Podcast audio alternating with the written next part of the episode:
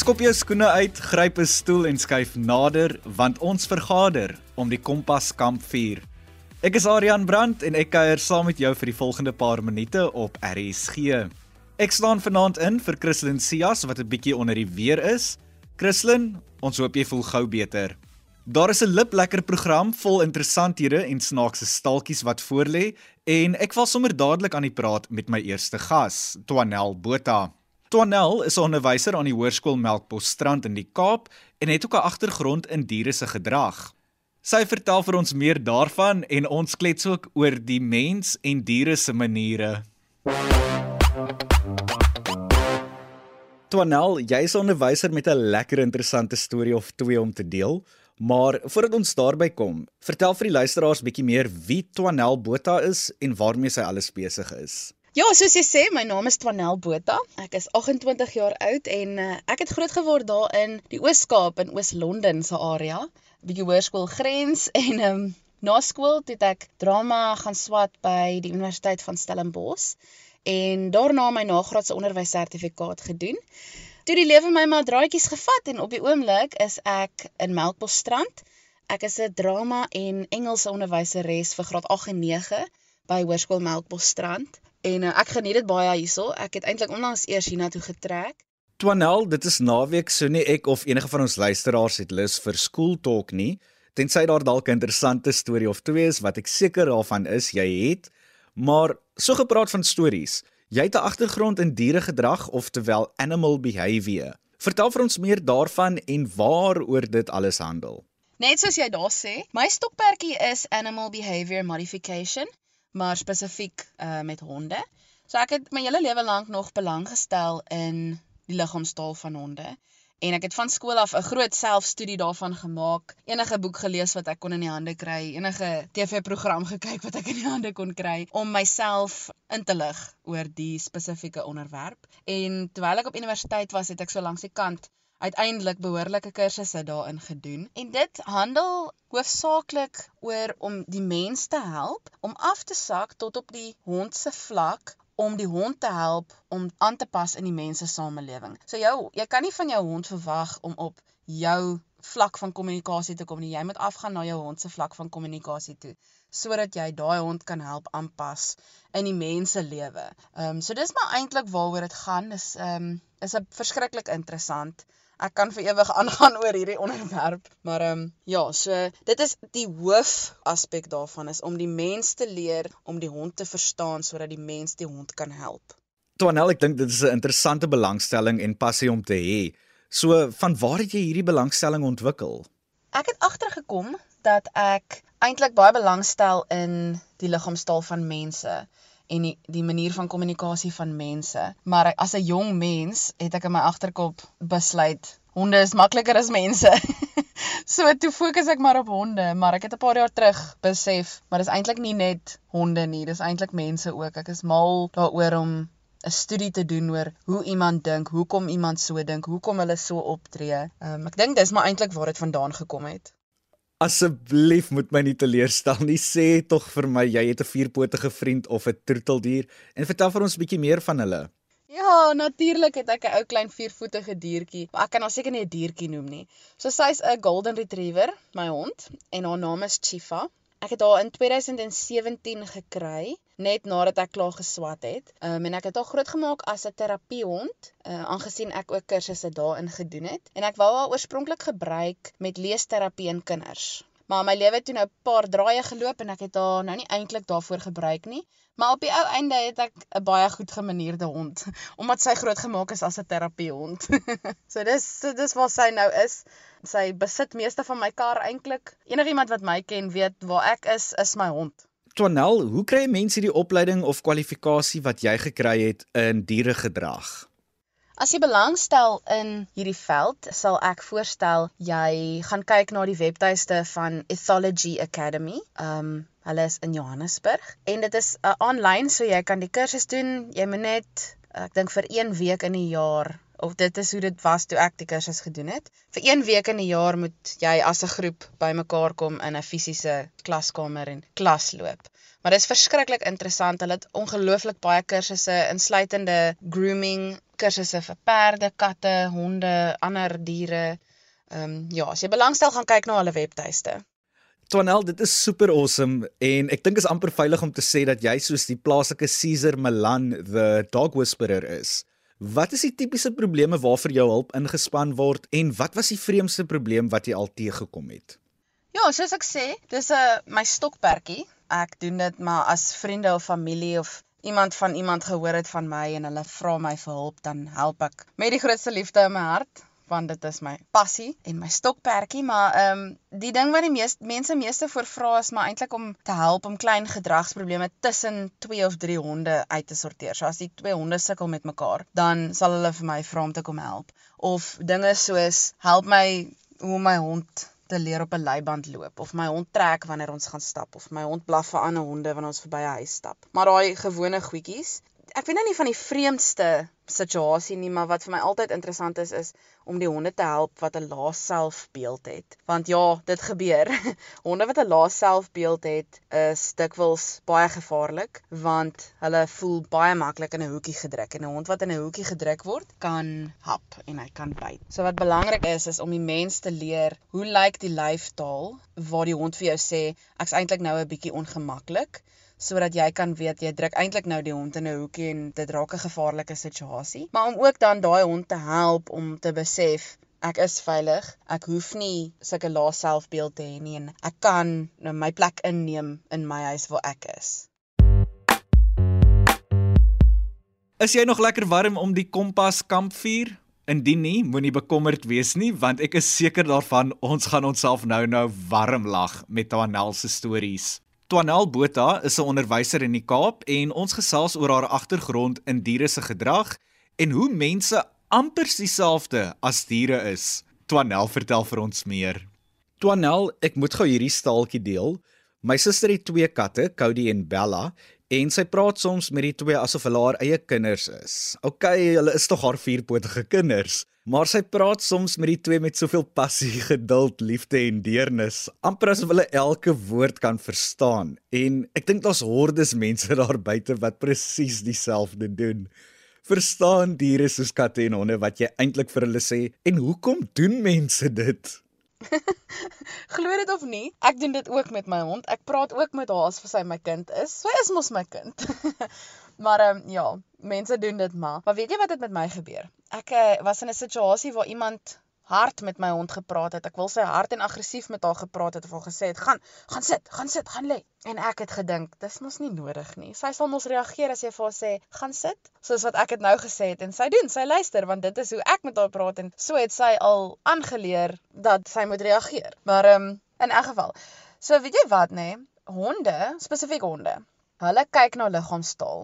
So sonder dat jy weet, as jy 'n uh, opdrag gee, soos sit, lê, eet, jy het al aangeleer wanneer jy dit sê, doen jy 'n manierisme by dit. En dit kan die kleinste ding wees. Dit kan letterlik wees dat jy jou gewigsplasing in jou liggaam verander en jou hond tel dit op en daai word dan hulle cue. So ek het dit self getoets met my hond toe sy nog jonger was. Ek het die bak kos neergesit en ek het vir haar gesê eet maar ek het seker gemaak ek het geen manierismes nie. Ek beweeg nie my liggaam nie, beweeg nie my vingers nie, beweeg nie eers soos 'n haar op my kop nie.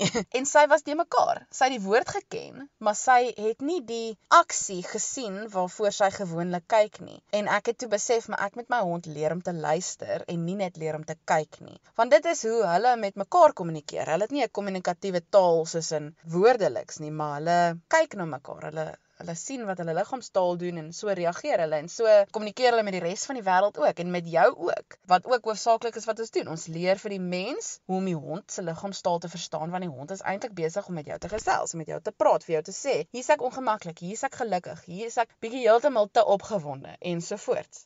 Ek dink mense doen dit omdat ons eintlik sosiale wesens is. Ons wil iemand of ietsie om ons hê. Ons wil daai asempie om ons hê en ons wil weet hierdie dingetjie, ek kan so lief wees vir die diertjie of die diertjie is net so lief vir my. Um, en ek dink dit maak mense goed voel. Dis hoekom mense dit doen. Dis maar net my eie opinie. Twanel, ek is nuuskierig om uit te vind, is daar enige troeteldiere waarvoor jy gril en watter dier dink jy moet toegelaat word om 'n troeteldier te wees en hoekom? Miskien 'n eksotiese aapie of so soos wat Justin Bieber destyds gedoen het? Weet jy, 'n dier wat ek nie kan verstaan hoekom mense hulle aanhou as troeteldiere nie, is spinnekoppe. Ek verstaan nog slange, ek verstaan nog akedisse of geckos, maar spinnekoppe kan ek nog nie heeltemal verstaan nie. En dan ehm um, diere wat ek dink troeteldiere moet word. Weet jy, persoonlik dink ek die diere wat troeteldiere moet wees is en die diere wat nie troeteldiere moet wees nie is nie. Wilde diere is nie troeteldiere nie. Wilde diere is diere wat nie in die omgewing van mense moet wees of gewoond is aan om te wees nie. Um hulle is ook heeltemal anders ingestel as troeteldiere. Byvoorbeeld um wolfhonde. Nou nie German shepherds nie, soos die eintlike wolfhonde, honde wat gekruis is met wolwe. Um hulle gedrag, hulle liggaamstaal, die manier hoe hulle kommunikeer is baie keer nader aan 'n wolf as aan 'n hond. En jy moet, as jy 'n eienaar van so 'n hond is, moet jy weet hoe wolwe kommunikeer om daai dier te verstaan.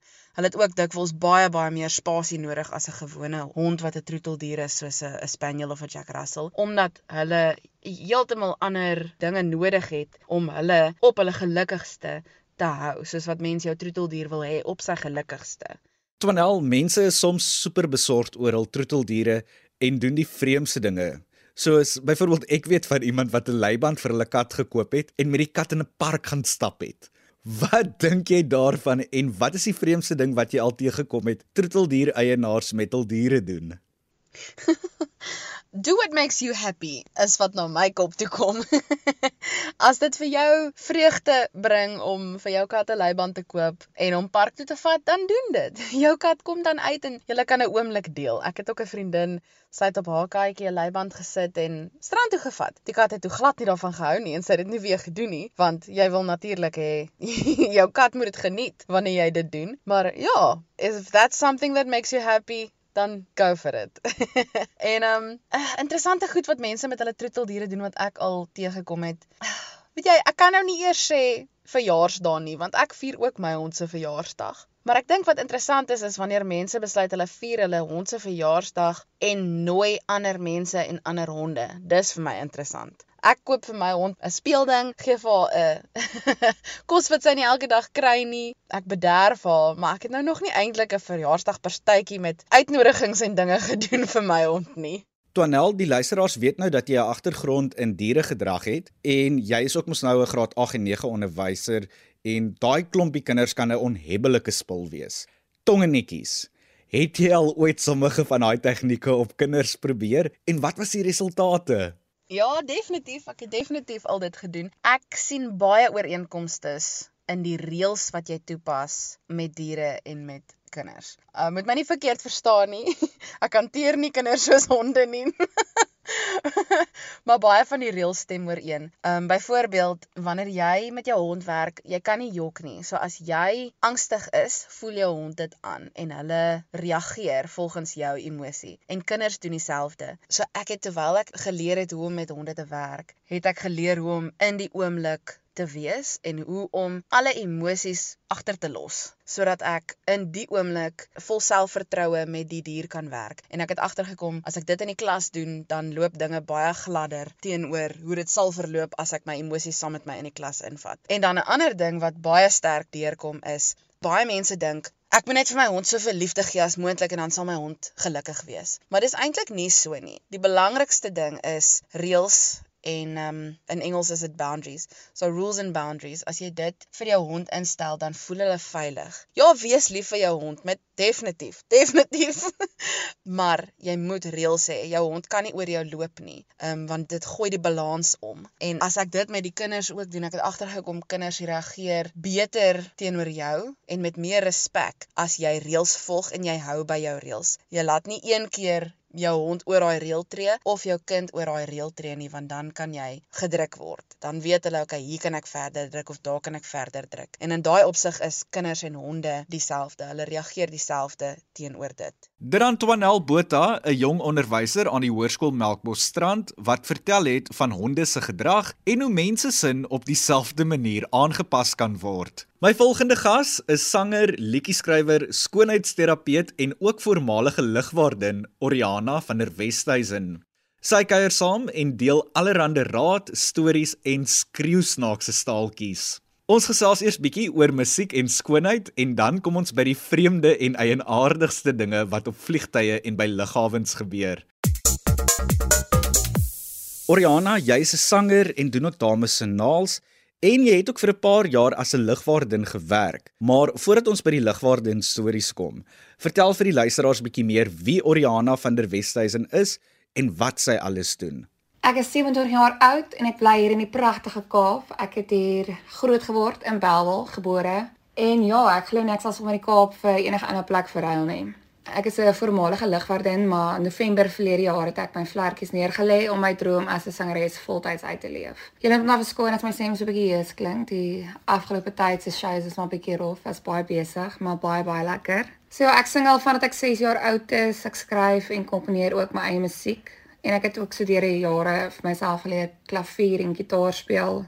So ja, musiek bly maar my eerste liefde en dit sal altyd so wees. Maar tussendeur doen ek ook nails. Ehm um, my naal besigheid se naam is Enero Nails. Baie mense vra van my waar kom hierdie naam vandaan? Dit is eintlik baie eenvoudig. Dit klink net baie ingewikkeld. Ek het maar net my naam gevat, Oriana, toe draai ek dit om en toe kry ek vir Enero Nails. So ja, dit is lekker om kreatief te wees. Ek hou van skoonheid en ek dink dit is 'n goeie kombinasie vir my. Sjoe, dit klink lekker interessant. Ek brand om uit te vind van waar het jou passie vir musiek ontstaan en hoe het dit uitgedraai dat jy begin sing het? Ek kom uit 'n redelike musikale familie uit, beide kante van my familie, ma en pa se kant. En hier was letterlik altyd musiek in die huis. My ma het ge-DJ. So ek het so saam gesing in die kar en oral en toe het hulle natuurlik agtergekom ek kan sing. En toe het hulle my na 'n uh, sangskool toe geneem en daar het die dinge begin en nog nooit opgehou nie. Oriana, jy het al musiek vrygestel en skryf ook jou eie liedjies en vir die van ons luisteraars wat nie weet nie, hoe sal jy jou musiek beskryf en waaroor handel dit als? Die musiek wat ek skryf is musiek wat ek wil hê mense moet by kan aanklank vind. Mense moet kan relate. Ehm um, ja, ek skryf uit die hart uit, dinge wat hartsake, dinge wat mense deurgaan in die alledaagse lewe en Ja, ek dink dit is lekker vir mense om musiek te hoor en hulle kan relate en voel die liedjies wat hulle geskryf. Ek dink dit maak dit net meer spesiaal. En dit is altyd vir my lekker om te hoor as mense vir my sê hulle kry hoendervleis. As dit 'n liedjie is wat ek self geskryf het, so dit is altyd 'n baie baie lekker gevoel. Om kreatief te wees en geïnspireerd te word kan dikwels 'n uitdaging wees, veral wanneer dit by skryfwerk kom. Waar kry jy die inspirasie om 'n nuwe liedjie te skryf en neem ons deur daardie hele skryfproses? My inspirasie kom uit vreemde plekke uit. Partykeer is dit baie baie vinnig, dan vat dit 'n halfuur om 'n liedjie te skryf, ander kere staan ek in die stort, dan kom daar net 'n wysie in my kop. Dan sal ek dit neer lê. Ander kere is in die middel van die nag, dan word ek wakker met 'n liedjie in my kop. So dis maar vreemde vreemde plekke waar ek hierdie inspirasie kry, maar natuurlik ook ag as iemand jou hart breek of as jy in 'n sekere situasie is of jy kyk 'n fliek en ja, so inspirasie kom van alle plekke af. Die skryfproses, ek sal gewoonlik ek skryf die musiek en die lirieke saam. Ek doen dit nie apart nie. Sal ek of die klavier vat of gitaar en dan sal ek net so die wysie by die woorde sit of woorde by die wysie. En ja, dan sal ek dit nou neerlê op 'n demo recording of ek rekord dit op my foon en ek stuur dit vir die producer of ek sal ingaan studio toe en ek sal dit daar inspel en dan vat ons dit van daar af baie lekker proses is baie baie interessant om te sien hoe alles bymekaar kom en daai gevoel aan die einde. As jy jou sang wat jy in die kamer geskryf het twee in die oggend as jy daai finale produk hoor dit is ongelooflik. Oriana ons beweeg nou 'n bietjie oor na jou skoonheidswerk en ek het genoem dat jy jong dames se naels doen en tussentyds as 'n skoonheidsterapeut werk. Watter wenk het jy vir jong dames as dit by die versorging van hul naels kom? Druk terug julle cuticles, sit aan julle cuticle oils Moenie julle gel en julle acrylics aftrek nie. Dit is die slegste ding wat jy kan doen vir julle naels. En ja, ehm um, sit maar julle hande rompies ook aan dit help vir die velletjies. Ek is seker die girls en die dames daar buite wil graag weet, het jy enige wenke vir hulle oor die nuutste trends of giere as dit by naels kom hierdie seisoen? Jong, ek is nie regtig van 'n trendvolger nie. Ek was, maar ek het verskriklike crazy naels gehad op 'n tyd. Maar nou met die gitaarspelery en so, ek kan nie lank naels hê nie, so my naels bly kort. Maar vir my gaan dit oor less is more. So ek dink ek hou van 'n mooi klassieke skoon look, een kleur, bietjie glitter, maar ja, die trends wat nou inkom is, is vreemde goedjies, maar dit verander so vinnig, mens kan nie byhou nie. Oriana, ek gaan nou seker lekker uitgeskel word en ek hoop nie ek gaan nie. Maar ek dink is nou 'n ideale tyd om te vra want ek praat nou met iemand wat naels doen en dis iets waaroor ek nog altyd gewonder het en miskien is daar ander ouens ook wat kopkrap hieroor. Hoe op dese aarde doen dames werk met lang naels? Ek dink dit moet nogals moeilik wees om sekere take te verrig met langnaels soos om te tik. Wel een taak wat definitief bietjie moeilik is om te verrig tot almal se verbasing. Almal dink altyd om langnaels te hê sal dit baie makliker maak om in jou neus te krap. Maar ongelukkig is dit nie die geval nie. Dit kan nogal baie skade aanrig hoor. Maar ja, mens raak se gou gewoond as jy langnaels het om sekere taak te verrig. Jy kom nie meer agter nie. So dan wanneer jy weer kort naels het, dan voel dit nou vir jou weer Johanna voel bietjie dom. So jy sukkel om op jou foon te tik en sulke dinge. So ja, miskien moet mans dit probeer dan Miskien raak hulle ook gewoond, miskien hou hulle ook van lang naels. Ooh, lekker lag ek nou. Ja nee, ek het nog altyd daaroor gewonder as ek ouma sien frikadelle maak met lang naels en sy verwerk daardie maalvleis. Watter vreemde dinge het jy al mense sien doen by 'n lughawe of op 'n vliegtyg? Laat weet vir my deur vir my te tweet by Arian Brandt en ZARSG. Onthou sommer om die Kompas hitsmerk te gebruik. Jy kan ook 'n R1.50 SMS stuur na 45889. Oriana kuier nog saam op Kompas en ons gaan nou klets en bietjie skinder oor haar dae as ligwaardin. Ek hoop jou asma pompie is byderhand want ons gaan nou eers lekker lag. Oriana, ek wil graag meer weet van jou werk as ligwaardin. Jy het vir 'n paar jaar as 'n ligwaardin gewerk by 'n lugledery. Hoe het dit gebeur dat jy 'n ligvaardin geword het en wat is die lekkerste deel of dele daarvan? Ag van jongs af wou ek my altyd 'n uh, ligvaardin ook wees. Ek was altyd vir my so mooi en ek was lekker lank, almal het vir seker die lengte daarvoor, maar dit maak nie vandag se tyd weer reg saak nie. Dit help definitief, dit help beslis. Maar ja, in 2016 het ek die kursus gedoen en einde 2018 het ek begin werk as 'n ligvaardin. So ja, toe was my musiekloopbaan so 'n bietjie on hold geweest. Maar ja, ek het vir 3 jaar, amper 3 jaar, het ek gevlieg. Dit was baie lekker. Dit was baie interessant. Jy dit is lekker om al die mense te ontmoet. Jy kry jy sien snaakse dinge, maar jy sien lekker mense soos ek weet net die interaksie met die mense was vir my lekker en natuurlik daai view van die bokant af. Is dit bly pragtig. Oriana, ek wil gou vinnig 'n mite bars en ek wil by jou hoor. Ek het al gehoor mense verwys na ligwaarde en ligwaardinne as glorified waiters of the sky. Maar ek dink nie dit is die geval nie. Julle is vir lang ure op julle voete en is omtrent besig. Wat behels die werk van 'n lugwaard of lugwaardin en wat is dit wat mense nie weet nie wat agter die skerms alles aangaan? Ja, soos jy sê, meeste mense sien lugwaardinne as waitresses in die lug, trolley dollies, soos hulle dit noem. Maar dit is eintlik 'n baie hoogs verantwoordelike werk. Al daai mense se veiligheid is in jou hande. Jy moet medicals kan hanteer, jy moet 'n babietjie kan vang as dit moet. Jy moet mense kan restrain as hulle unruly raak in die vliegtyg. jy moet al daai mense in 90 sekondes kan evacuate uit 'n vliegtyg uit kan kry as jy moet in 'n emergency. So ja, um, dit kan stresvol wees. Dit is net ja, mense sien nie altyd wat behind the scenes aangaan nie. Maar ja, baie verantwoordelikheid wil daaraan gaan. Natuurlik was die voorkomsafdeling een van my gunsteling dele. Um, ek is mal oor gremering en mooi maak en mooi versorg wees. So ja, ehm um, jy moet 'n volgesig make-up altyd aangehad hê. Hare moet altyd mooi netjies wees. Mag nie te veel ringe dra nie, een aan elke hand.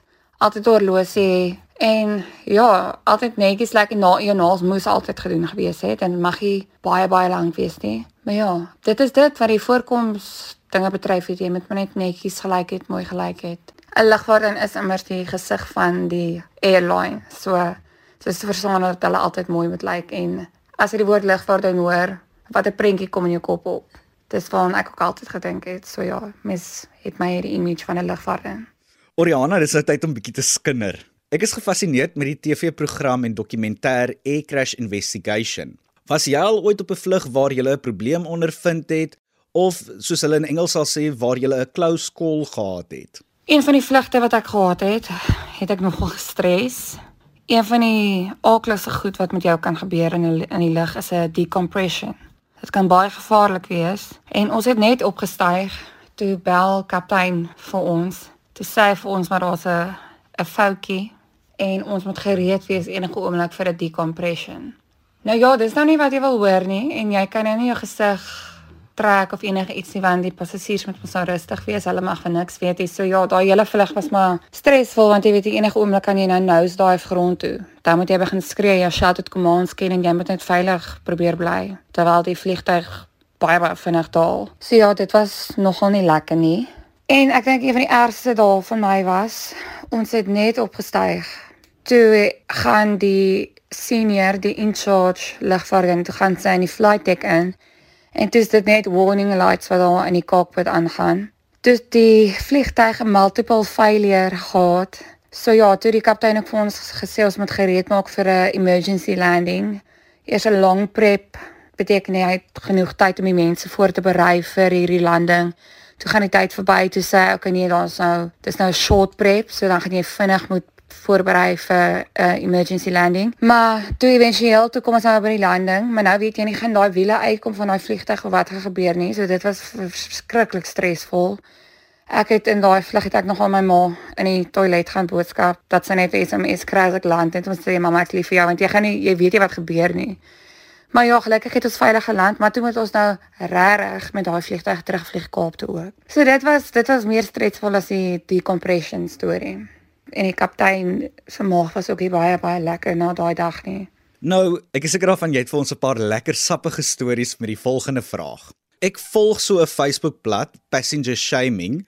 Dit is waar lugwaardinne en vliegtuigpassasiers foto's en video's deel van die vreemdste en die mees eienaardigste dinge wat mense op vliegtye en by lughawens doen. Ek dink jy weet waarheen ek nou gaan met hierdie vraag. Maar vertel vir ons meer van die dinge wat jy al gesien het wat mense doen op vliegtye en by lughawens wat heeltemal vreemd is of selfs onvanpas is. Jong, een ding wat ek agtergekom het is mense weet nie hoe om 'n deur toe te maak van 'n toilet nie, veral nie op 'n vliegtyg nie.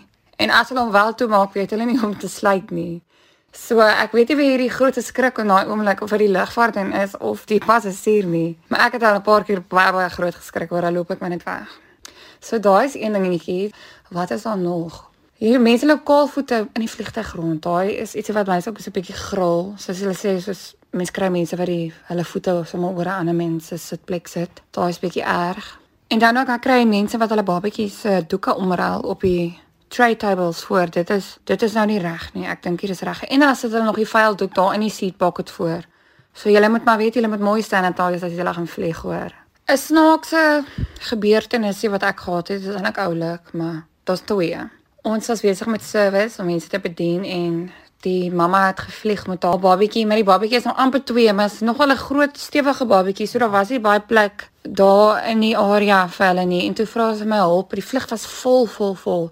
Toe vra sy vir my hulp om gou die baba kossies daar bo uit te kry in die ou het sandwiches. En jy weet lig druk en alles speel mos nou maar 'n rol in sulke gevalle. En toe in die gesukkel om die baba kossies uit te kry, het ek baba kos oral my gesig gekry. Die baba kos het ontplof en toe eet ek net so lekker pere saam met daai kind op daai vliegtuig.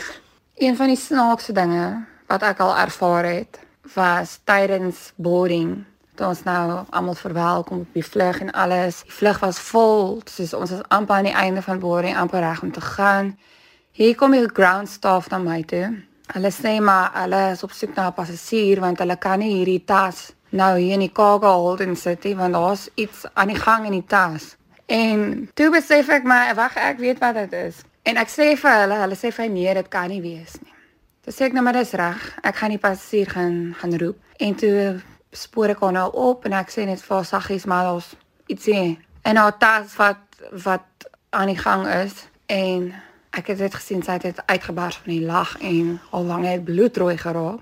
Maar nou volg ek haar maar so na die onderkant van die trappe toe en ja, toe me sy voor almal haar tanneborsel se batterye uithaal, want hierdie batterye het nou besluit hulle gaan nou werk. So ja, ehm um, daai was nogal snaaks, maar die passasier het baie baie goed hanteer en sy het vir my gesê sy sal dit weer doen as sy dit moes oordoen, sal sy nie teruggaan nie. Sy sal dit nog steeds, sy sal dit aan 'n borsel saamvat.